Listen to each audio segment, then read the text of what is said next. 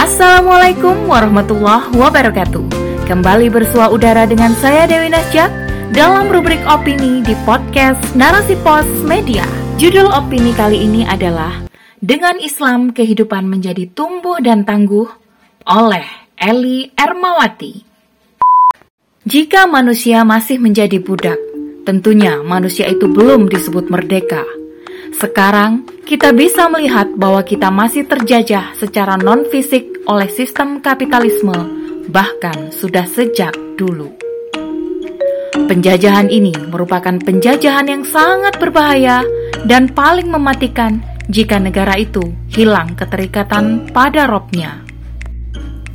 Selengkapnya, tetap di podcast Narasi Pos Media. Narasi Pos, cerdas dalam literasi media, bijak menangkap peristiwa kunci. Dengan kalimat takbir Allahu Akbar, berabad-abad Indonesia berjuang mengusir para penjajah, Belanda, Inggris, Portugis, dan Jepang. Akan tetapi, setelah meraih kemerdekaan, malah membesarkan paham kapitalisme, sekularisme, individualisme, hedonisme, serta pergaulan bebas dalam kehidupan berbangsa dan bernegara. Tidak heran, setelah hidup di alam kemerdekaan 76 tahun, justru bangsa ini semakin terpuruk. Ketidakadilan, dominasi kekayaan alam oleh negara lain, jeratan utang dengan riba yang semakin menggunung, gempuran tenaga kerja asing, kemiskinan, pengangguran, tingkat kriminal, ketimpangan sosial, kemaksiatan merajalela, kerusakan moral, dan kebodohan lain-lain adalah fenomena yang masih kita rasakan hingga saat ini. Di dalam pembukaan Undang-Undang Dasar 45 pada paragraf pertama, bahwa sesungguhnya kemerdekaan itu ialah hak segala bangsa, dan oleh sebab itu, maka penjajahan di atas dunia harus dihapuskan, karena tidak sesuai dengan pri kemanusiaan dan pri keadilan. Pada faktanya, penjajahan itu terus berlangsung hingga saat ini. Artinya, kita belum merdeka.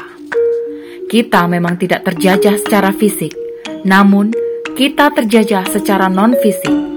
Padahal definisi merdeka itu sendiri adalah bebas, bebas dari perhambaan, penjajahan, dan sebagainya. Berdiri sendiri, tidak terkena atau lepas dari tuntutan, dari tuntutan penjara seumur hidup, tidak terikat, tidak bergantung kepada orang atau pihak tertentu, dan leluasa atau merdeka. Negara kita masih terbelenggu dengan terikat dalam ideologi kapitalisme, baik secara politik maupun ekonominya, terjajah oleh budaya dan moral produk pemikiran asing, seperti sekularisme, liberalisme, hedonisme, dan budaya permisif yang kian menggerus jati diri bangsa. Bagaimana mungkin slogan kemerdekaan dengan 76 tahun Indonesia tangguh, Indonesia tumbuh bisa digunakan sedangkan negaranya masih terjajah? Sebab negara bisa dikatakan tumbuh jika diiringi dengan kesejahteraan yang meningkat. Dalam Islam, kesejahteraan diukur dari individu ke individu lainnya. Mereka bisa memenuhi kebutuhan sandang, pangan, papan, kesehatan, pendidikan, dan keamanan dengan cara baik karena sejahtera itu menunjuk pada keadaan yang baik, yakni kondisi orang-orangnya dalam keadaan makmur, sehat, dan damai. Akan tetapi, kondisi saat ini justru kebalikannya. Dilansir dari tribunnews.com, Badan Pusat Statistik mencatat jumlah orang miskin di Indonesia pada Maret 2021 sudah mencapai 27,54 juta orang Jumlah itu membuat tingkat kemiskinan mencapai 10,14 persen dari total populasi nasional. Dan masih banyak kita jumpai orang-orang yang hidupnya serba kekurangan, bahkan untuk makan saja susah karena kebutuhan hidup yang serba mahal. Dengan tempat tinggal yang kurang layak, mencari pekerjaan sulit, hingga biaya pendidikan dan kesehatan mahal. Adapun negara yang tangguh itu, sistem politik ekonominya tidak membebek negara barat ataupun timur. Tidak pula netral, namun memiliki kekuatan yang khas dan sahih.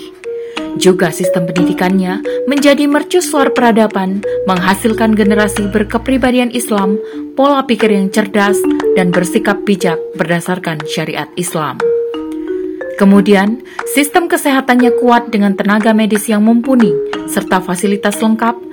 Sistem keamanan dan ketahanannya pun hebat, tidak mudah dirongrong negara lain, mampu menjaga kedaulatan di wilayah darat, laut, dan udara, memiliki industri militer sendiri, tidak impor atau membeli senjata dan barang militer bekas dari negara lain. Kondisi saat ini menunjukkan bahwa Indonesia belum tangguh dan tumbuh. Kemiskinan yang semakin sulit, ketahanan pangan masih bergantung pada negara lain, tidak adanya ketahanan militer, utang negara yang semakin menggunung, dan masih banyak kesulitan lainnya. Berdasarkan data Kementerian Keuangan, mencatat posisi utang pemerintah sampai akhir Juni 2021 sebesar 6.554,56 triliun. Angka tersebut 41,35 persen dari rasio utang pemerintah terhadap PDB. Utang inilah yang membuat kita terjajah dan tertunduk dengan negara si pemberi utang jelaslah negara kita belum merdeka. Karena dalam Islam, kemerdekaan yang hakiki merupakan keadaan di saat kita terbebas dari segala bentuk penghambaan terhadap makhluk menuju penghambaan secara totalitas kepada Allah Subhanahu wa taala.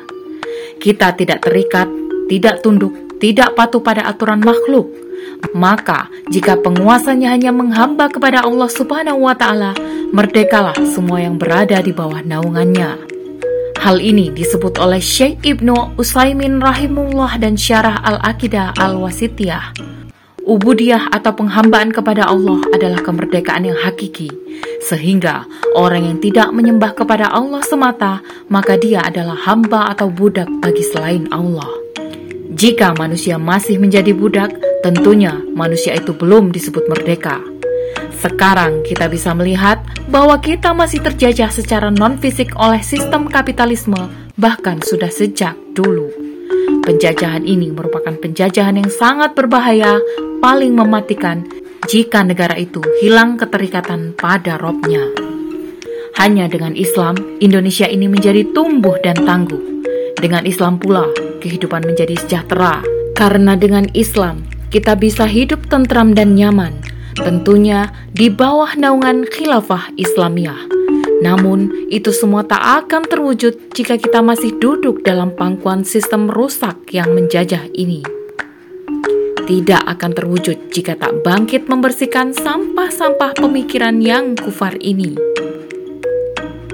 Maka, penting bagi kita untuk membebaskan rakyat dari belenggu sistem kapitalis, mencerdaskan umat, memerdekakan, dan mengembalikan pikiran umat menjadi pemikiran yang ideologis dengan cara berdakwah, supaya kehidupan ini tertata sesuai dengan aturan ilahi dan meraih merdeka yang hakiki. Apa yang kita dakwahi itu adalah solusi untuk umat manusia, bukan solusi untuk diri sendiri saja.